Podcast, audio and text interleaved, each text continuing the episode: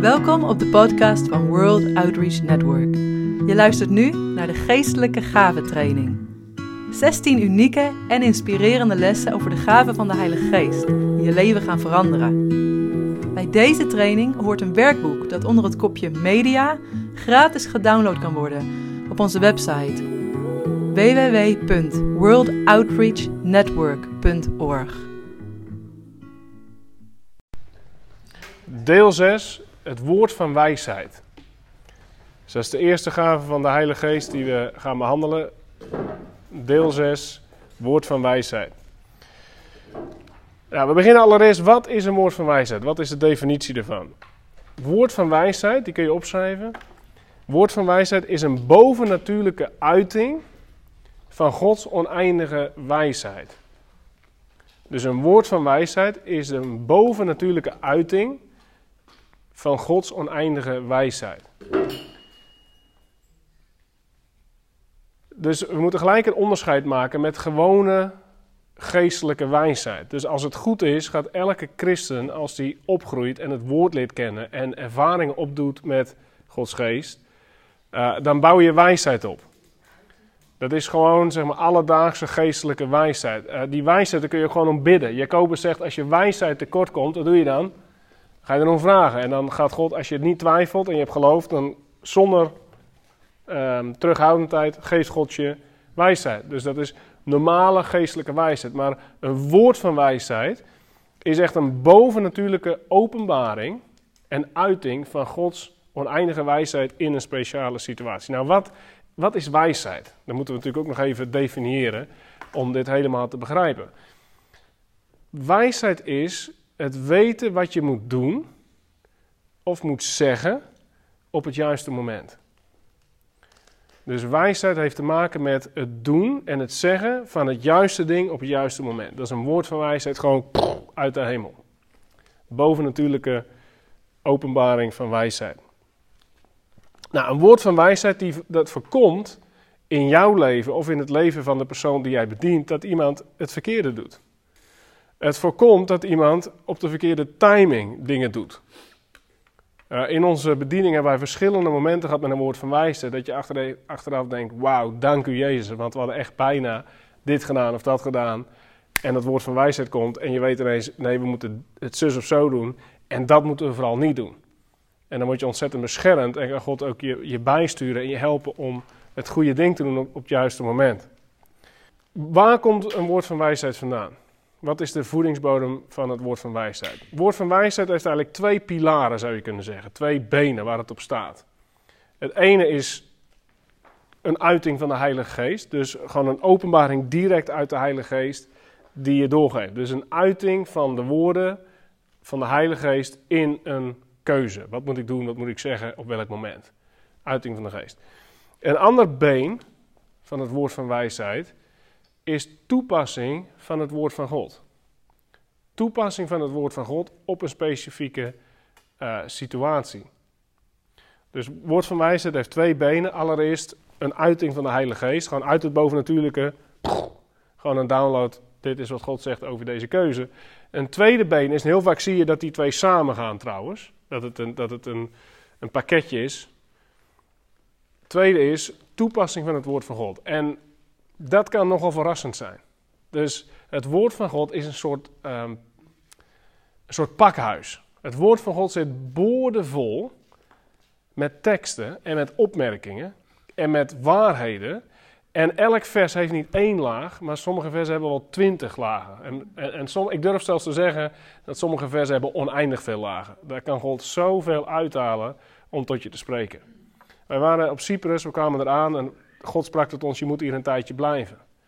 Oké, heer, maar we hebben inmiddels uh, twee kinderen, derde is op komst. Uh, woonwagen wordt een beetje te klein. Wij wonen in een woonwagen op dat moment. Uh, hoe gaan we dat doen? Woord van wijsheid alstublieft. En God gaf toen een vers uit Handelingen aan het einde van Paulus' ministry. Dan staat er, hij huurde een huisje in Rome. En hij verbleef daar twee jaar en hij ontving veel gasten. En God zegt, boem, dit vers is voor jullie.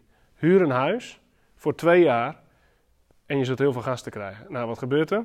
Wij vinden binnen drie dagen vinden wij een huurhuis. Terwijl andere zendelingen in dat gebied die hadden een jaar gezocht naar een huurhuisje. Konden ze niet vinden. Wij vinden binnen drie dagen een huurhuisje. De prijs was 350 euro per maand. Extreem laag. Bizar gewoon, waarom? Snappen we niet. We hebben daar precies twee jaar gewoond. Na twee jaar zei de huurbaas, ik ga de huur ineens verhogen met 150 euro. Wij zeiden, ja, dank je, wij gaan. God heeft gesproken. Oh, sorry, sorry, dan ga ik de huur niet verhogen. Nee joh, is goed, wij moeten gewoon weg, no problem. Dat was heel grappig. Maar het was wel ook zo'n zetje nog van, het is echt tijd om te gaan. Uh, en we hebben daar 100 gasten gehad, over twee jaar verspreid. We hadden daar ook een, die, die woonwagen staan, we hadden nog een, een prefab huisje erbij. We hebben daar ontzettend veel mensen ontvangen. Dus gewoon exact zo'n tekst uit het woord van God. Die gewoon letterlijk op drie lagen toepasbaar was op onze keuze die wij moesten maken. Nou, zo kan God het woord van God gebruiken in je leven. Uh, en, en dat kan ook heel bijzonder gaan. Bijvoorbeeld Paulus, in, uh, die staat niet in je map, dat is wel interessant. Paulus die gaat ineens een tekst aanhalen uit Deuteronomium. Dan zegt hij, u mag een rund bij het dorsen niet muilkorven. Heb je die wel eens gelezen? Komt twee keer het Nieuwe Testament voor, twee keer Paulus. U mag een rund bij het dorsen niet muilkorven. Dat was een wet uit de tijd van Mozes, dat je een dier wat aan het werken was, hard aan het werken was, mocht je niet beletten om ook af en toe even te snacken, om even te eten van het graan wat hij aan het dorsen was. En Paulus pakt dat vers, met behulp van het woord van wijsheid, met behulp van die gave om wijsheid te halen uit het woord van God. Hij zegt, hey, dit vers kun je ook toepassen op woordverkondigers, op predikers, op evangelisten. Een evangelist of een bedienaar die het woord van God preekt, die heeft het recht om net als die of dat rund, om ook te eten van eh, eh, de oogst waar hij in werkt.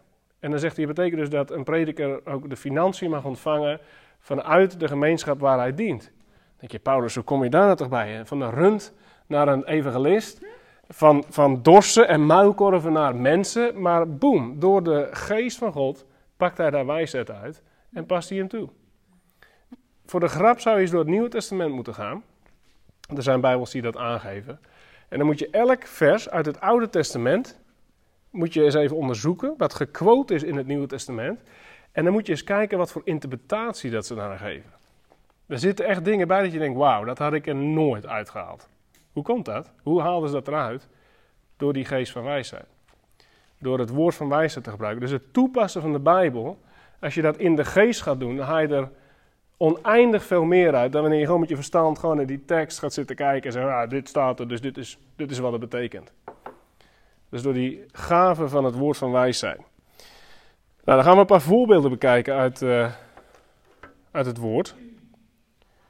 En we gaan kijken naar uh, wat, sorry, waar en wanneer te vissen, voorbeeld 1. Het dus het gaat over waar en wanneer, woord van wijsheid.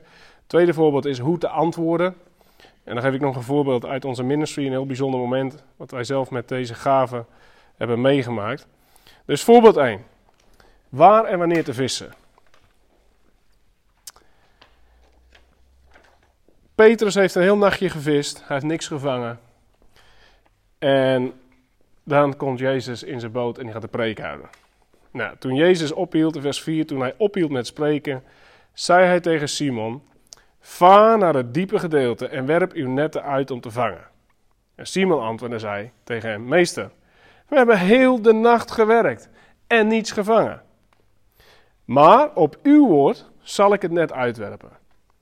En nadat, let op, nadat, dus een woord van wijsheid, je gaat pas de vruchten ervan plukken als je het opvolgt. Dus nadat hij dat gedaan had, vingen zij een grote hoeveelheid vissen.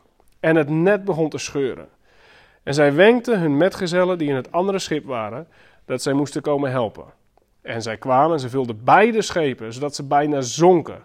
Wow, dat zijn gevaarlijke woorden van wijsheid. Dank u, Heer. Geef mij er ook een. Halleluja. Um, even kijken, ze gingen zinken. Was ik ook gebleven?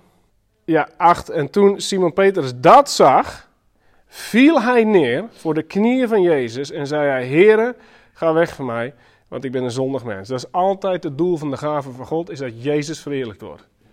Paulus zegt, elke geest die zegt Jezus is Heer, is de Heilige Geest. Als Jezus verheerlijkt wordt door een gave, dan weet je dat het een gave van de Heilige Geest is. Paulus zegt ook, als iemand zegt Jezus is een vervloekte, dan weet je meteen dat het niet de Heilige Geest is.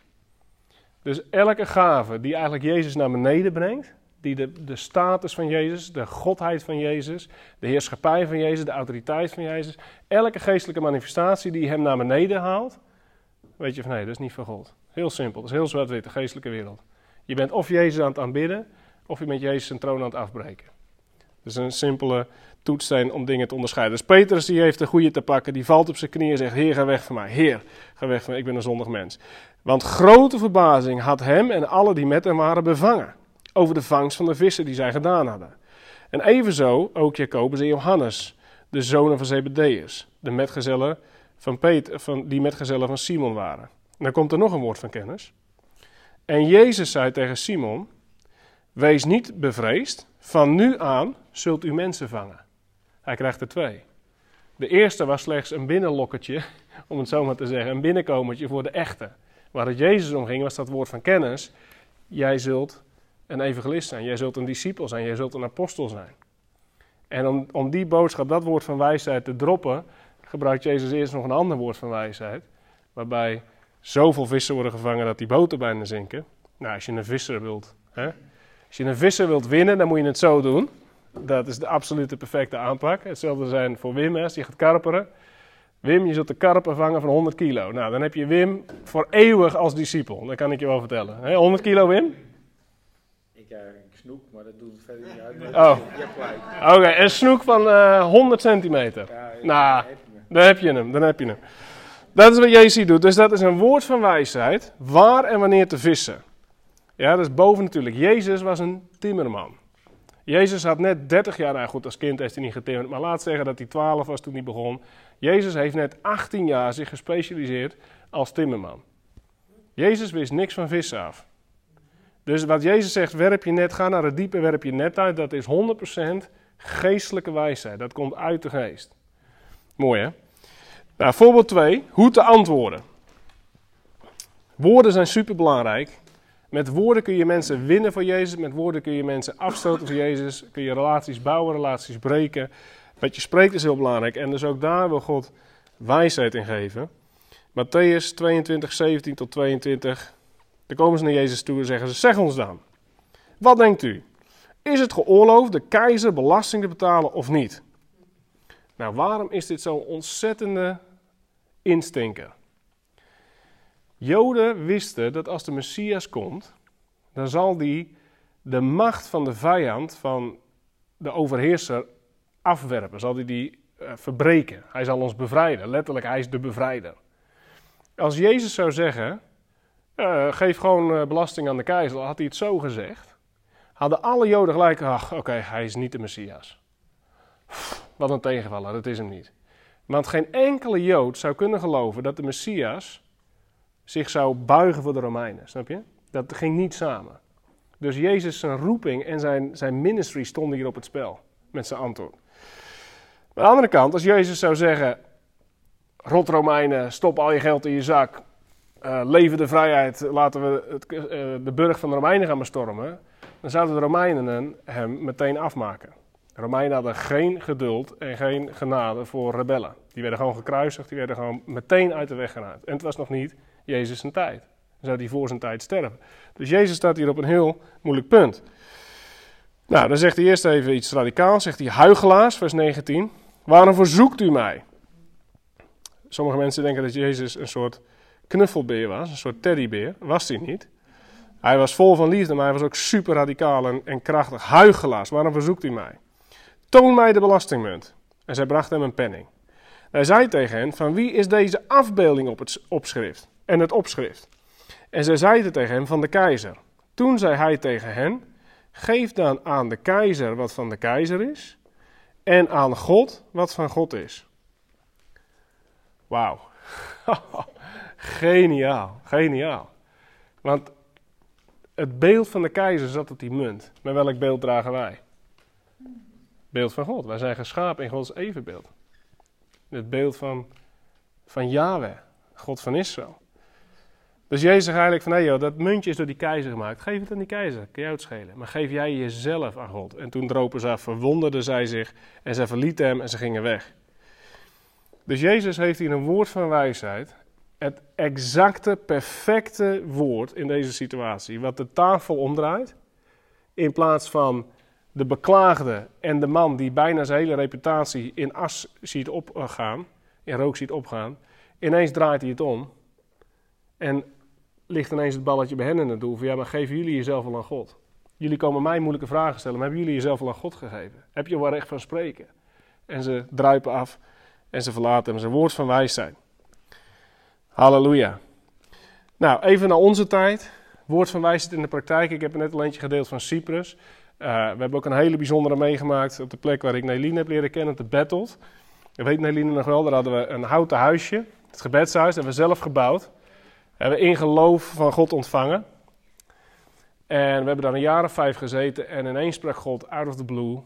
Ik wil dat jullie verhuizen naar het midden van het land. En later gaf hij drie keer op één dag specifiek de plaats Bunschoten, Spakenburg. Ik heb nog nooit zo bijzonder en zo specifiek van God gehoord. Maar we zaten wel met één vraag. Heer, wat doen we nou met dat gebedshuis daar? We hadden echt een gebouwtje, een houten chalet van 54 vierkante meter, met, met meubilair erin, met een geluidsinstallatie erin. Alles erop en eraan. Echt een plaats voor onze ministry. Heer, wat moeten we daarmee? En op een gegeven moment was ik een beetje een soort Gideon-approach, een Gideon-aanpak. Ik zeg, Heer, als u het verhaal aan mij geeft van Abraham en de koning van Sodom.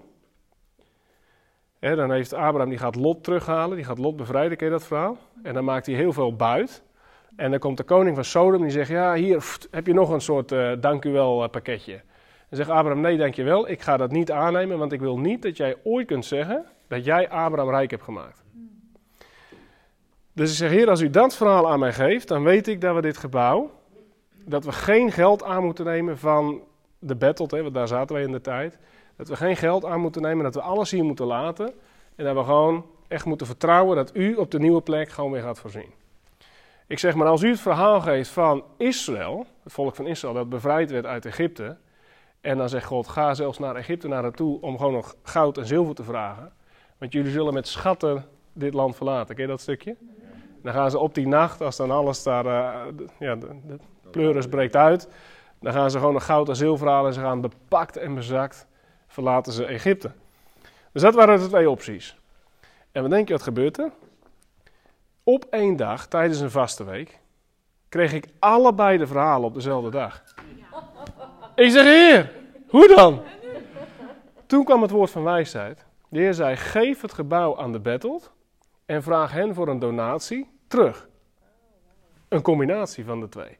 En de heer zegt, je zult 7000 euro meekrijgen van, van de camping. Wauw. Dus ik naar de directeur toe. Ik zeg, directeur, dit is verhaal. Ik geloof dat God tegen me zegt dat ik het aan jou moet geven.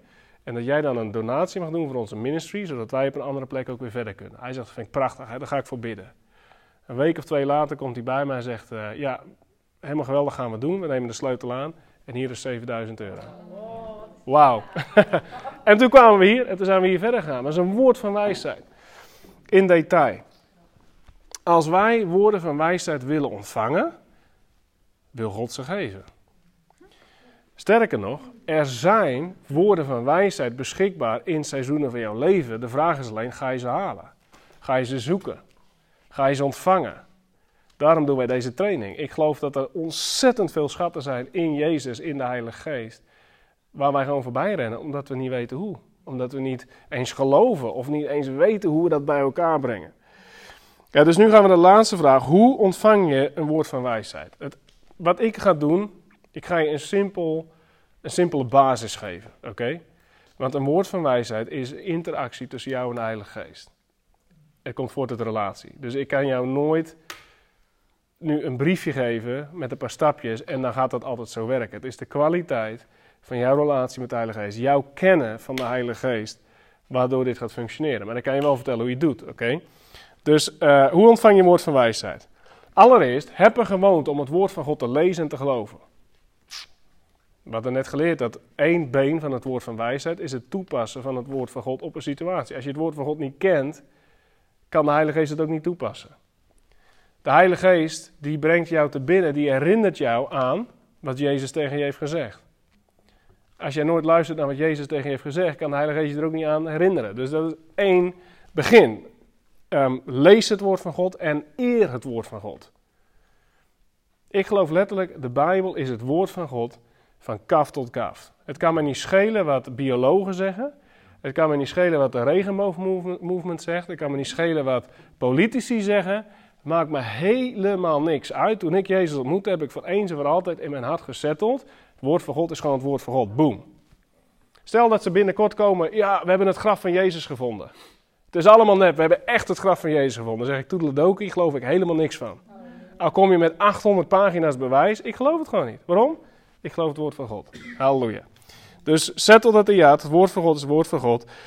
Um, wakker de Heilige Geest aan. Wakker de Heilige Geest aan. Bid in tongen. Spendeer tijd met de Heilige Geest. Heb een intieme wandel met de Heilige Geest. Volgende stap, heel simpel. Breng je vraag in gebed bij God. Breng je vraag bij God, waar jij wijsheid in nodig hebt of waar iemand anders wijsheid in nodig hebt. Als jij voor iemand anders deze gave gaat gebruiken. Breng de vraag bij God. Vervolgens neem tijd om te luisteren. Neem tijd om te luisteren. Een van de uitdagingen, als ik heel eerlijk ben, nog steeds, ik praat nogal graag. In mijn stille tijd vind ik het allermoeilijkste onderdeel luisteren. Vind ik het allermoeilijkste onderdeel. Dan moet ik echt zeggen, Willem, nu, zelfs even geen tongentaal nu. Even stoppen, Willem. Tongentaal vliegen. Even luisteren. Heilige Geest, wat zegt u? Stil. Gewoon luisteren. Elia hoorde God spreken in de stilte. Er was een aardbeving, er was vuur. Er was een heel groot spektakel. Helemaal niks. Op een gegeven moment werd het stil en zacht, stil fluisteren. En God spreekt tegen hem. Hij kreeg hele krachtige profetieën. Je moet die koning gaan zalven, je moet die profeet aanstellen. Je moet naar dat land toe. Heel krachtig, in de stilte. Luister naar de Heilige Geest. Nou, vervolgens ga je gewoon opschrijven of onthouden, als je goed bent in onthouden. Ik schrijf alles op. Schrijf op wat je krijgt. Soms krijg je boem, de hele download in één keer. Maar vaak merk ik dat je luistert, je vraagt om die wijsheid, je krijgt een klein stukje, je schrijft het op en dan zegt je vrouw ineens van, ik had een droom vandaag. Zeg je, oh. En dan in die droom zit ook weer een elementje, je denkt, volgens mij heeft dat te maken met. Dan lees je het woord en dan, zo, nou zie ik het ook in de schrift. Dan praat je nog met een vriend en die zegt toevallig ook nog wat erover. En dan weet je, ik heb mijn woord van wijsheid, God spreekt. Maar je moet het wel bij elkaar brengen. Dus schrijf dingen op of breng het bij elkaar, wat God je geeft. En onthoud dat, houd dat vast. Nou, dan komen we bij een spannende stap. Dan moet je uiteindelijk een conclusie durven trekken. Waarom? Omdat het hele koninkrijk van God is in geloof.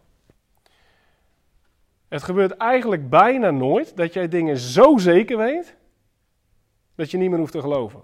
Er zijn uitzonderlijke situaties dat God het briefje uit de hemel geeft en dat je het zeker weet en het is allemaal heel makkelijk. Meestal blijft dat element aanwezig dat je moet leunen. Je hebt dit gehoord, je hebt dat gekregen, die heeft dit gezegd, je hebt een profetie ontvangen. Je gelooft in je hart dat dit is wat God zegt, maar je weet het nooit helemaal zeker. Maar durf dan in geloven conclusie te trekken. Durf naar je geest te luisteren en zeggen: wat ik naar eer en geweten geloof in mijn hart, is dit. Dus dat is de ene, durf een conclusie te trekken. En dan vervolgens durf uit te stappen op basis van wat je gelooft. Dan is de cirkel, uh, de cirkel is rond, full circle. Dus durf een conclusie te trekken na een tijdje en durf dan uit te stappen in geloof. Ik zou je wat zeggen, ik geloof dat God het oneindig minder erg vindt dat christenen in geloof uitstappen en daar soms een foutje in maken, dan dat christenen geen foutjes willen maken en nooit uitstappen. Want een schip wat niet beweegt kun je niet sturen, een vrachtwagen die niet rolt kun je ook niet sturen. Je moet bewegen in geloof. Weet je nog, vorige keer zeiden we, geloof is niet één stap, maar het is wandelen in geloof. Dus je stapt en je stapt en je stapt en je blijft stappen. Je blijft gewoon bewegen. Dat is geloof. Oké, dus durf een conclusie te trekken, durf hem uit te spreken of durf hem te doen. En dan ga je vanzelf merken of dat klopt of niet. In 12 jaar ministry, bijna 13, heb ik één situatie gehad dat ik uitstapte in geloof en dat het echt mis was. Eentje. Toen woonden we hier alle Bunschoten. Ik had op een gegeven op mijn hart, ik ga 12 tickets kopen bij een luchtvaartmaatschappij in geloof. En dan ga ik 12 mensen vinden die met mij naar Israël willen voor een outreach. Nou, ik heb 12 tickets gekocht van, uh, die waren 500 euro per stuk in de tijd. Er kwam helemaal niemand. Niemand meldde zich aan. Uiteindelijk heb ik die tickets moeten verlengen. Dat kostte 50 euro per keer. Dan heb ik ze nog een keer moeten verlengen. Weer 50 euro per keer per ticket. En toen ben ik gewoon met een paar gasten erheen geweest. En uiteindelijk hebben we zoveel verlies geleden op die tickets. Dat ik echt even terug moest naar de tekentafel. Heer, was dit wel van u? nee Willem, was niet van mij. Oké, sorry. En dan zit hij daar, hè? ja, en dan ga je gewoon verder. Heer, daar heb ik van geleerd. God zegt, Willem, ik heb je niet geroepen om een reisleider te zijn. Oké, amen. Got the point. Next, weet je wel. Maar dat is één keer in zoveel jaar. Als je echt naar God gaat luisteren, gaat hij spreken en gaat hij je leiden. Woord van wijsheid, superkrachtig. Bedankt voor het luisteren naar deze podcast. We moedigen je aan om het geleerde meteen in de praktijk te brengen en te delen met anderen. Ben je gezegend door het Bijbelonderwijs van World Outreach Network en wil je ons helpen om Gods woord ver en wijd te proclameren? Word dan financieel partner door het online donatieformulier in te vullen onder het kopje Project Wereld op onze website www.worldoutreachnetwork.org.